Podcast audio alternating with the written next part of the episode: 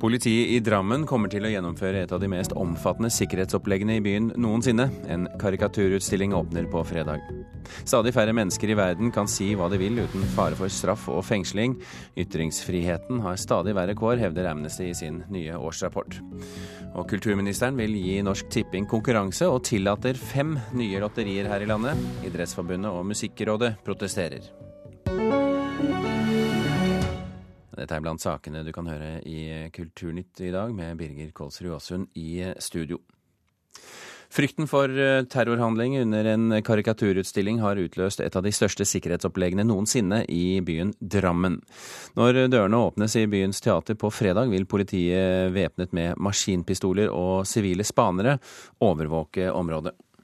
Publikum vil merke at eh, politiet er synlig til stede. Flere folk eh, enn vanlig, og med mer utstyr enn vanlig. Stabssjef Glenn Rodén ved Søndre Buskerud politidistrikt har ansvaret for sikkerheten under karikaturutstillingen i Drammen teater på fredag. Terrortrusselen blir tatt høyst på alvor etter angrepene på et lignende arrangement i København for snart to uker siden. Hendelsene i København kom jo eh, dessverre som en påminnelse om at det trusselbildet vi allerede hadde før de hendelsene, bekreftes.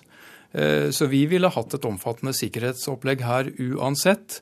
Eh, men, men hendelsene i København har vært med å aktualisere den situasjonen vi er i. Både Politiets sikkerhetstjeneste og Oslo-politiet har bistått i arbeidet med sikkerhetsopplegget, som betegnes som et av de mest omfattende noensinne i Drammen. Oslo politidistrikt har langt mer erfaring enn oss når det gjelder å avvikle denne type arrangementer. Eh, derfor så var det helt naturlig for oss å spørre Oslo politidistrikt om bistand, noe vi også har fått. For oss eh, så er dette, er dette stort, og det krever en del forberedelser. Det vil ikke bli vist frem karikaturer av profeten Muhammed på utstillingen.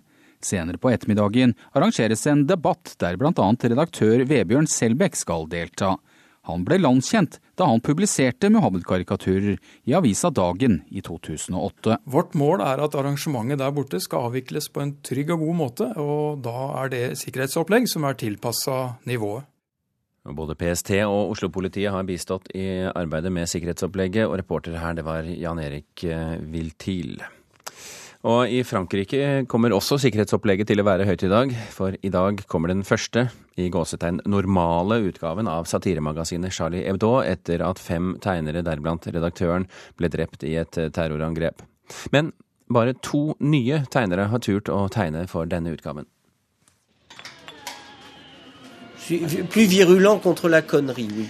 På Charlie Hebdo er vi nå enda mer bitske mot idioti og mot alle former av fascism.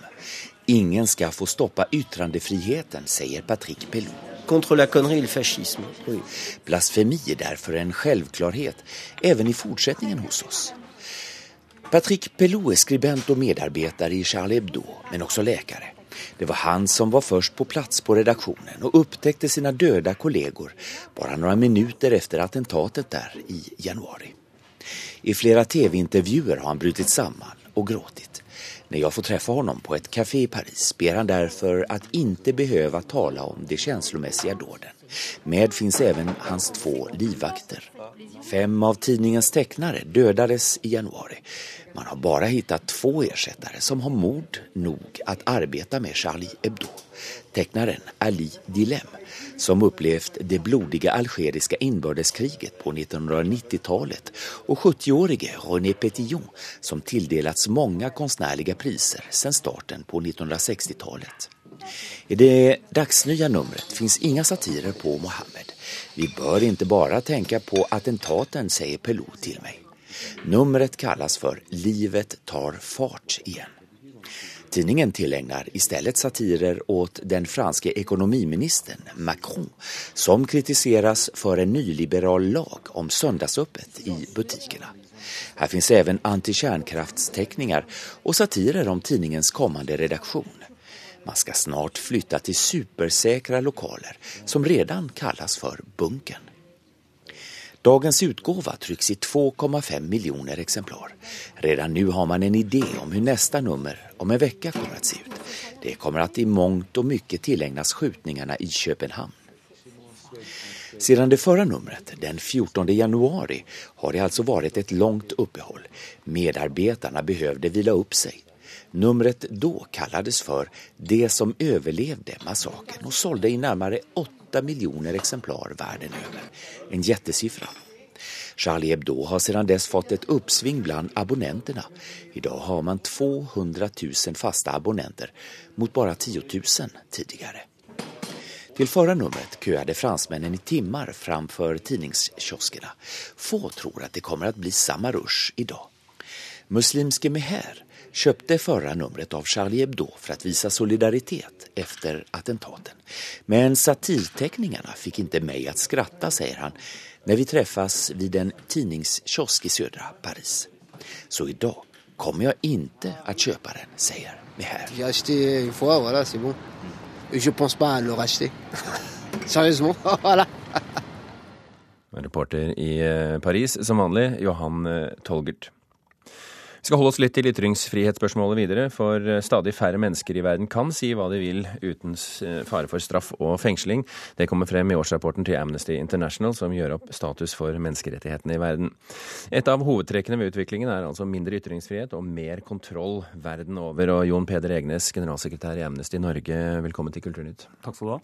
I hvor mange av de 160 landene dere har undersøkt, er det blitt vanskeligere for folk å si hva de vil? Ja, Vi har registrert eh, lover og praksis som vi mener bryter med ytringsfriheten i 119 av de 160 landene, så altså i tre fjerdedeler omtrent av de landene vi har eh, laget kapitler om i denne årsrapporten. Og eh, hvor, hvor mange av de er det det blir verre? Ja, jeg vil si at jeg kan ikke si det sånn helt eksakt i antall, men vi kan si at tendensen, utviklingen, går i retning av begrensning av ytringsfriheten, og den gjør det over hele verden. Ikke bare der vi er vant til det, i autoritære regimer som Nord-Korea og Kina og, og, slike land, men også i det vi kan se på som vår del av verden, hvor særlig dette med overvåking kommer inn som et element som vi mener er, er alvorlig i forhold til ytringsfriheten, fordi at folk må føle seg trygge når de ytrer seg, uten å være redd for at staten følger med på dem, og at staten kanskje finner det de sier ulovlig. Men det er vel trekk... forskjell på om, eh, om, eh, om Irak eller Iran overvåker og Storbritannia overvåker, tross alt? Det er selvfølgelig forskjell på det, så vi sier ikke at det er like ille i alle 119 land, men det er en utvikling i retning av å begrense folks ytringsfrihet som er veldig bekymringsverdig. Og den er selvfølgelig mer bekymringsverdig i Saudi-Arabia, hvor du blir dømt til ti års fengsel og 1000 piskeslag, enn den er i USA, der man tilsynelatende forsøker å overvåke alle mennesker hele tiden. Men det burde f.eks. akkurat dette med overvåkning være et paradoks for, for, journalister. Altså hva gjør det med, med kildevernet hvis staten sitter og følger med på alle telefoner? Sanksjoner som, eh, som eh, tas i et land osv. Så, videre. så Så man skal ikke kimse av den eh, innstrammingen vi ser i, i, demokratiske stater heller, selv om det selvfølgelig er mye verre når vi hører fra Kina at en advokat kan få 20 års fengsel for å ha tvitret. Vi har hørt deg tidligere i Nyhetsmorgen her snakke om de mer voldelige sidene av, som, som, er beskrevet i rapporten. Hva er sammenhengen mellom statens urettmessige voldsutøvelse overfor egen befolkning og ytringsfriheten? Ja, Det er jo en, en nær sammenheng i mange stater, fordi at eh, staten bruker bruker lover mot ytringsfriheten til å utøve vold mot enkeltpersoner. F.eks. som jeg nettopp nevnte, Raif Badawi i Saudi-Arabia, som altså er idømt 1000 piskeslag for, på helt fredelig vis å ha ytret kritikk overfor myndighetene sine.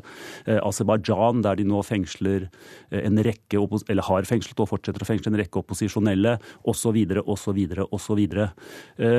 Det som er, er, det store paradokset nå, det er jo at uh, i vår del av verden så blir vår trygghet brukt som argument på at vi skal begrense ytringene våre.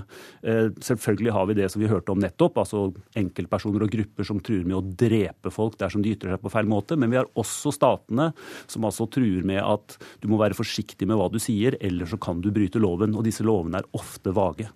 Jon Peder Egenes i Amnesty, takk for at du kom til Kulturnytt.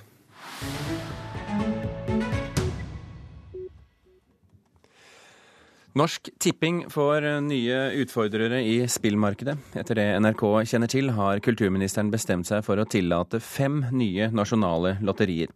Det er veldedige organisasjoner som skal kunne søke om å drive lotteriene, men både idretten og kulturlivet er skeptiske til den nye ordningen.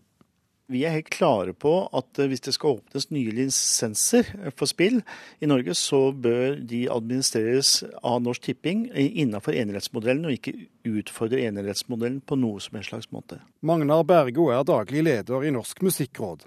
Enerettsmodellen han snakker om er byråkratenes navn på spillmonopolet til Norsk Tipping. Han får selskap av Idrettsforbundet og assisterende generalsekretær Øystein Dale. Vi er imot enhver eh, oppsplitting av eh, spillmonopolet i Norge. Og det å skille ut eh, og lage nye lotterier er det samme som å splitte opp. NRK vet at kulturministeren nå har bestemt seg for å myke opp spillmarkedet. Lisenser på fem nye lotterier skal lyses ut, og det er kun veldedige organisasjoner som skal kunne søke. Hvert lotteri får tillatelse til å selge lodd for 300 millioner kroner i året. Vær så god og dra.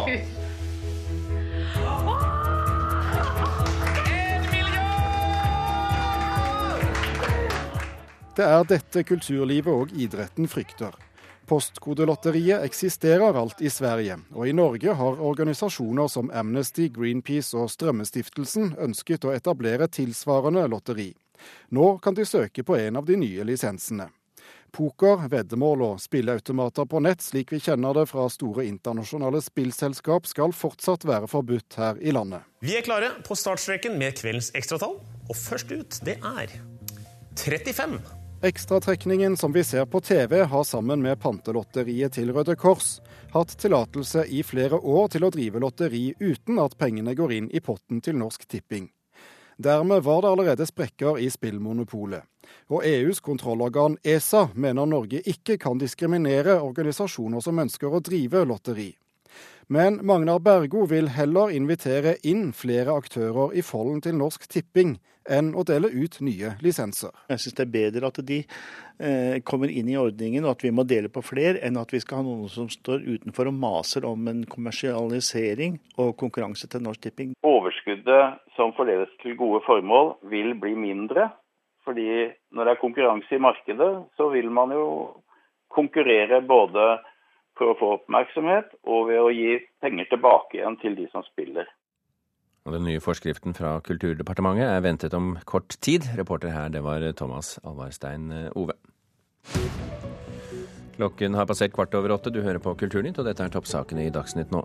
Voldtektsmenn går som regel fri i Norge, skriver Amnesty i sin globale årsrapport. Der får Norge kritikk for sin evne til å forebygge og straffe voldtekt. Fostermor ble straffet økonomisk da hun ble ufør, sier Nav rådet henne til å sende fosterjenta bort i ett år for ikke å tape penger. Og USAs president Barack Obama har lagt ned veto mot eh, oljerørledningen Keystone XL. Byggingen av den omstridte rørledningen fra Canada til Texas ble vedtatt av Kongressen tidligere i februar.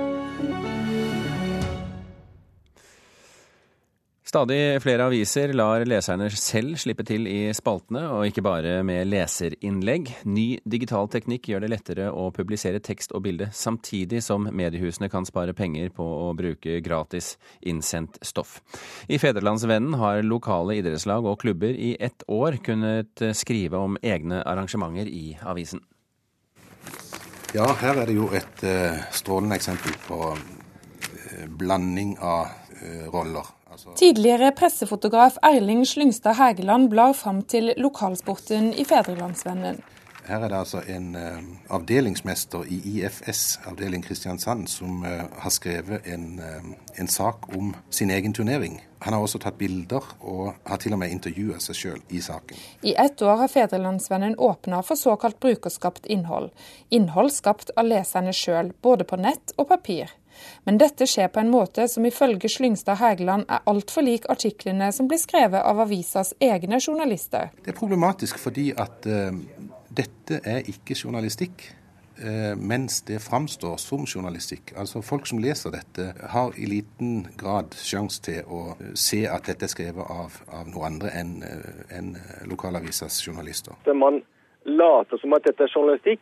Leder Ole Dag Kvamme i Agder Journalistlag reagerer kraftig på det han kaller liksom-journalistikk, og vil ta opp trenden med brukergenerert innhold på et debattmøte 17.3. Dette er reklame, og det går uh, galt når man fremstiller det som om det er noe annet. Man låner de journalistiske klærne for at det skal være mer troverdig. I den spesielle saken så, så, burde vi absolutt gjort noe, for det er ikke bra at en som er med i saken intervjuer seg sjøl. Det, det, det, er helt åpenbart. Sier politisk redaktør i Fedrelandsvennen Vidar Udjus. Eh, men generelt vil jeg mene at vi, at vi har merka det på, på en OK måte. Fedrelandsvennen mener det er et stort potensial i brukerskapt innhold, og vil etter hvert åpne for denne typen stoff også i kultursektoren. Jeg tenker dette her er en ny plattform som, som vil være viktig for oss framover, og som både vil, vil skape bedre, bedre, lim mellom leserne, brukerne og oss, og som også vil,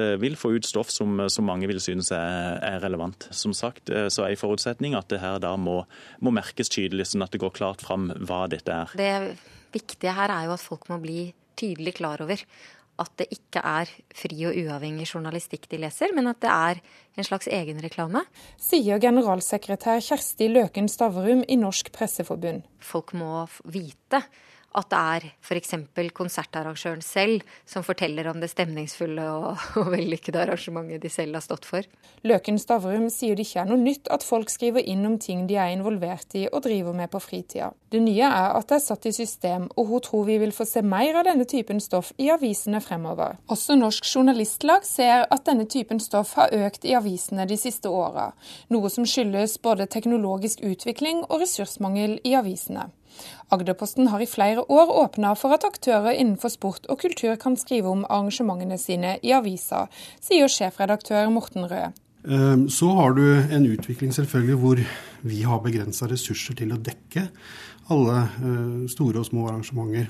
Og, og, i den sammenheng så får vi jo ofte tilsendt bilder eller stoff eh, som vi da eh, enten da bearbeider journalistisk eller vi lar gå på trykk med en klar merking av hva slags stoff det er. Tilbake i Kristiansand frykter tidligere pressefotograf Erling Slyngstad Hægeland at trenden med brukerskapt innhold til slutt vil ødelegge avisenes troverdighet. Den, eh, I ytterste konsekvens så kan det jo bli sånn at f.eks. Kristiansand bystyre skriver referat fra sine egne møter. Og da er vi altså på så ville veier. Reporter her, det var Miriam Grov. Apple vil lansere 300 nye emojis, disse smilefjesene bl.a. Og for første gang vil det bli en større etnisk variasjon på piktogrammene. Apple svarer dermed på kritikk som har kommet om at de avbildete figurene først og fremst er hvite, og nå kommer de heller i fem ulike hudfarger. Og Marius Arnesen, journalist i NRK Beta, NRKs teknologi- og utviklingsavdelingen. Hvorfor tror du Apple bruker ressurser på å utvikle stadig flere av disse piktogrammene? Det er nok som du sier viktig for dem å svare på den kritikken som har kommet. Men eh, Apple ser vel som alle andre at dette har blitt en viktigere del av språket vårt. Flere og flere bruker de her små ikonene til å uttrykke følelser.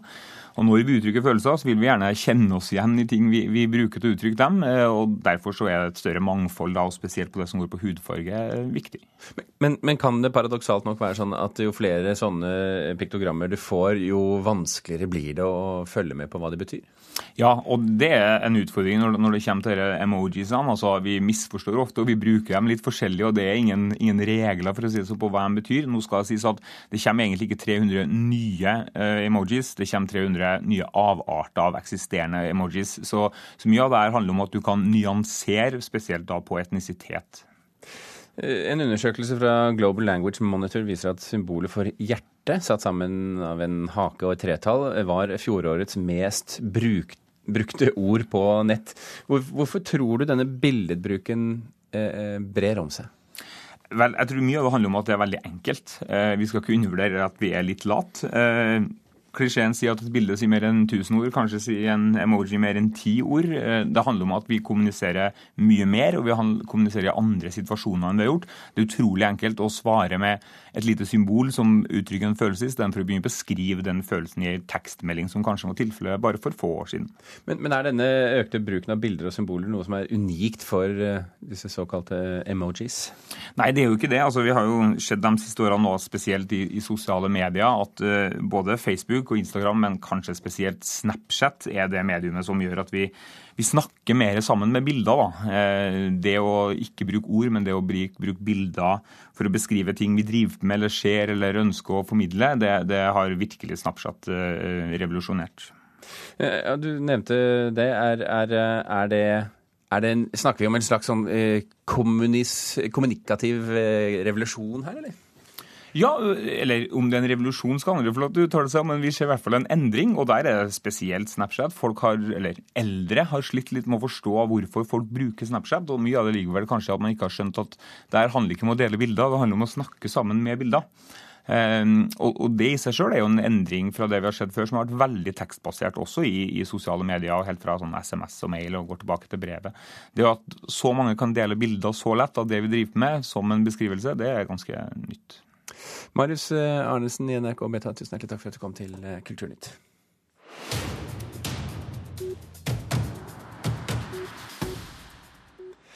Den somaliske sprinteren Samia Yusuf Omar endte sitt unge liv som båtflyktning over Middelhavet. Fortellingen om ungjentas OL-drøm er nå blitt bok, fortalt av en italiensk journalist. Og det er en rystende leseropplevelse, mener vår anmelder. Sjelden er jeg blitt så klar over verdens urettferdighet som ved lesningen av dokumentarromanen Ikke si at du er redd av den italienske journalisten Giuseppe Catozzella. Den forteller historien om den somaliske sprinteren Samia Josef Omar, og om hvordan hun endte sitt korte liv i Middelhavet som båtflyktning på vei til Europa. Sommer-OL i London i 2012 var målet. Dit kom aldri ungjenta fra Mogadishu. Hun som var så god til å løpe, som brukte all fritid på å bli bedre og bedre. Selv i et krigstynget land, med en luft som alltid bar lukten av krutt, der voldelige militser truet rundt hvert gatehjørne, løp den tynne tenåringen for å bli som sin helt, OL-vinneren og landsmannen Mo Farah. Ikke si at du er redd er en roman.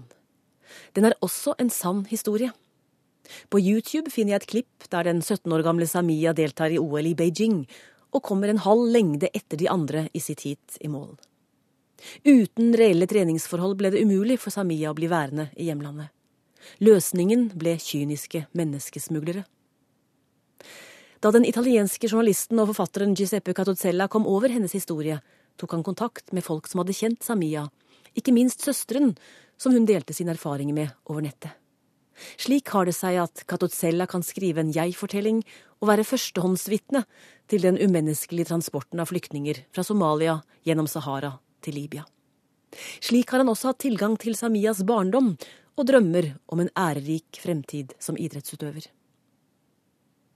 Fungerer grepet med å legge fortellingen i munnen på Samia istedenfor å skrive en dokumentarbok? Både ja og nei. Iblant føler vi Samias intense glede over livet, hennes ungdommelig naive fremtidstro og deler hennes frustrasjoner over krigens begrensninger. Andre steder blir det vel tydelig at forfatteren vil gi leseren en innføring i Somalias krigssituasjon. Det kan oppleves unaturlig med så mye faktakunnskap fra en tiårings munn. Når det er sagt, ikke si at du er redd er en viktig bok. Historien om Samia gjør det lettere å se at det bak hver båtflyktning som satser livet for å komme til Europa, er et menneske med håp, drømmer og retten til et verdig liv. Boken dokumenterer også hvordan mennesker i nød er blitt big business. Det er opprivende lesning.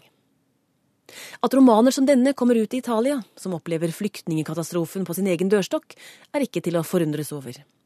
I påvente av at norske romanforfattere skal ta fatt i en av verdens største utfordringer akkurat nå, er jeg glad forlaget Pax og oversetter Astrid Norang har gitt oss nettopp denne fortellingen. Ja, Det mente vår litteraturkritiker Anne Katrine Straume. Og så minner vi om at du kan finne alle våre anmeldelser som du hører på radioen her. De kan du også finne på nrk.no anmeldelser litteratur. En krigsveteran ble i natt dømt til livstid for drapet på skarpskytteren Chris Kyle, mannen som Clint Eastwood eh, Oscar-vinnende film American Sniper handler om. Juryen i Texas avviste Forsvarets argumenter om at den 27 år gamle veteranen led av en psykose da han drepte Kyle og en annen kamerat på en skytebane i 2013, melder nyhetsbyrået Ap. Filmen American Sniper, som nå går på norske kinoer, er basert på den drepte Navy Seal-soldatens eh, selvbiografi. Sveriges Televisjon følger opp suksessen med seksualopplysningsfilmen Snoppen og Snippan, som ble en global eh, hit for litt siden. Debatten raser nå på sosiale medier om hva svenske barn skal bli presentert for på TV, etter at SVT publiserte oppfølgeren til musikkvideoen om de to kjønnsorganene Snoppen og Snippan. Popper opp, opp, snipper i snopp. her kommer snoppen i full galopp. Tegnefilmen der Snoppen og Snippan danser rundt ble en såkalt viral suksess i januar. Den er sett av millioner på YouTube, og nådd enda flere da den ble plukka opp i det amerikanske talkshowet Conan O'Brien. Yeah, I was also offended because I think they must watch our show. I thought that penis looked a lot like me. I really do. I går kom SVTs oppfølger, en litt mer informativ video. så kan en voksen snopp og en voksen snippa settes ihop og selv gjøre babyer inni kroppen. Ja, vi ser her masser av spermier. De setter av i høyeste mulige fart fra pungen. Debatten raser nå på sosiale medier i Sverige. Flere mener tegnefilmen viser ting som små barn slettes ikke trenger å se, mens andre jubler over å endelig ha fått en film de kan vise fram når barna spør om hvordan den ble skapt. Snippan Reporter her, det var Torkil Thorsvik. Kulturnytt eh, er slutt. I dag har vi fortalt at politiet i Drammen kommer til å gjennomføre et av de mest omfattende sikkerhetsoppleggene i byen noensinne. En karikaturutstilling åpner nå på fredag. Du kunne også høre at stadig færre mennesker i verden kan si hva de vil eh, uten fare for straff og fengsling. Ytringsfriheten har stadig verre kår, hevder Amnesty i sin nye rapport. Og så kunne du også høre at kulturministeren vil gi Norsk Tipping konkurranse og tillater fem nye lotterier her i landet. Idrettsforbundet og Musikkrådet protesterer. Det var det. Hilde Tosterud, Gjermund Jappé og Birger Kolsrud Jåsund takker for følget. Å spørre Therese Johaug hva slags truse hun bruker under skidressen, er åpenbart temmelig dårlig journalistisk håndverk. Og sportsjournalistikken får ofte pepper for å være overfladisk, dum og dårlig. Men hva er skikkelig god sportsjournalistikk, spør vi i Kulturhuset på NRK P2 klokka 13.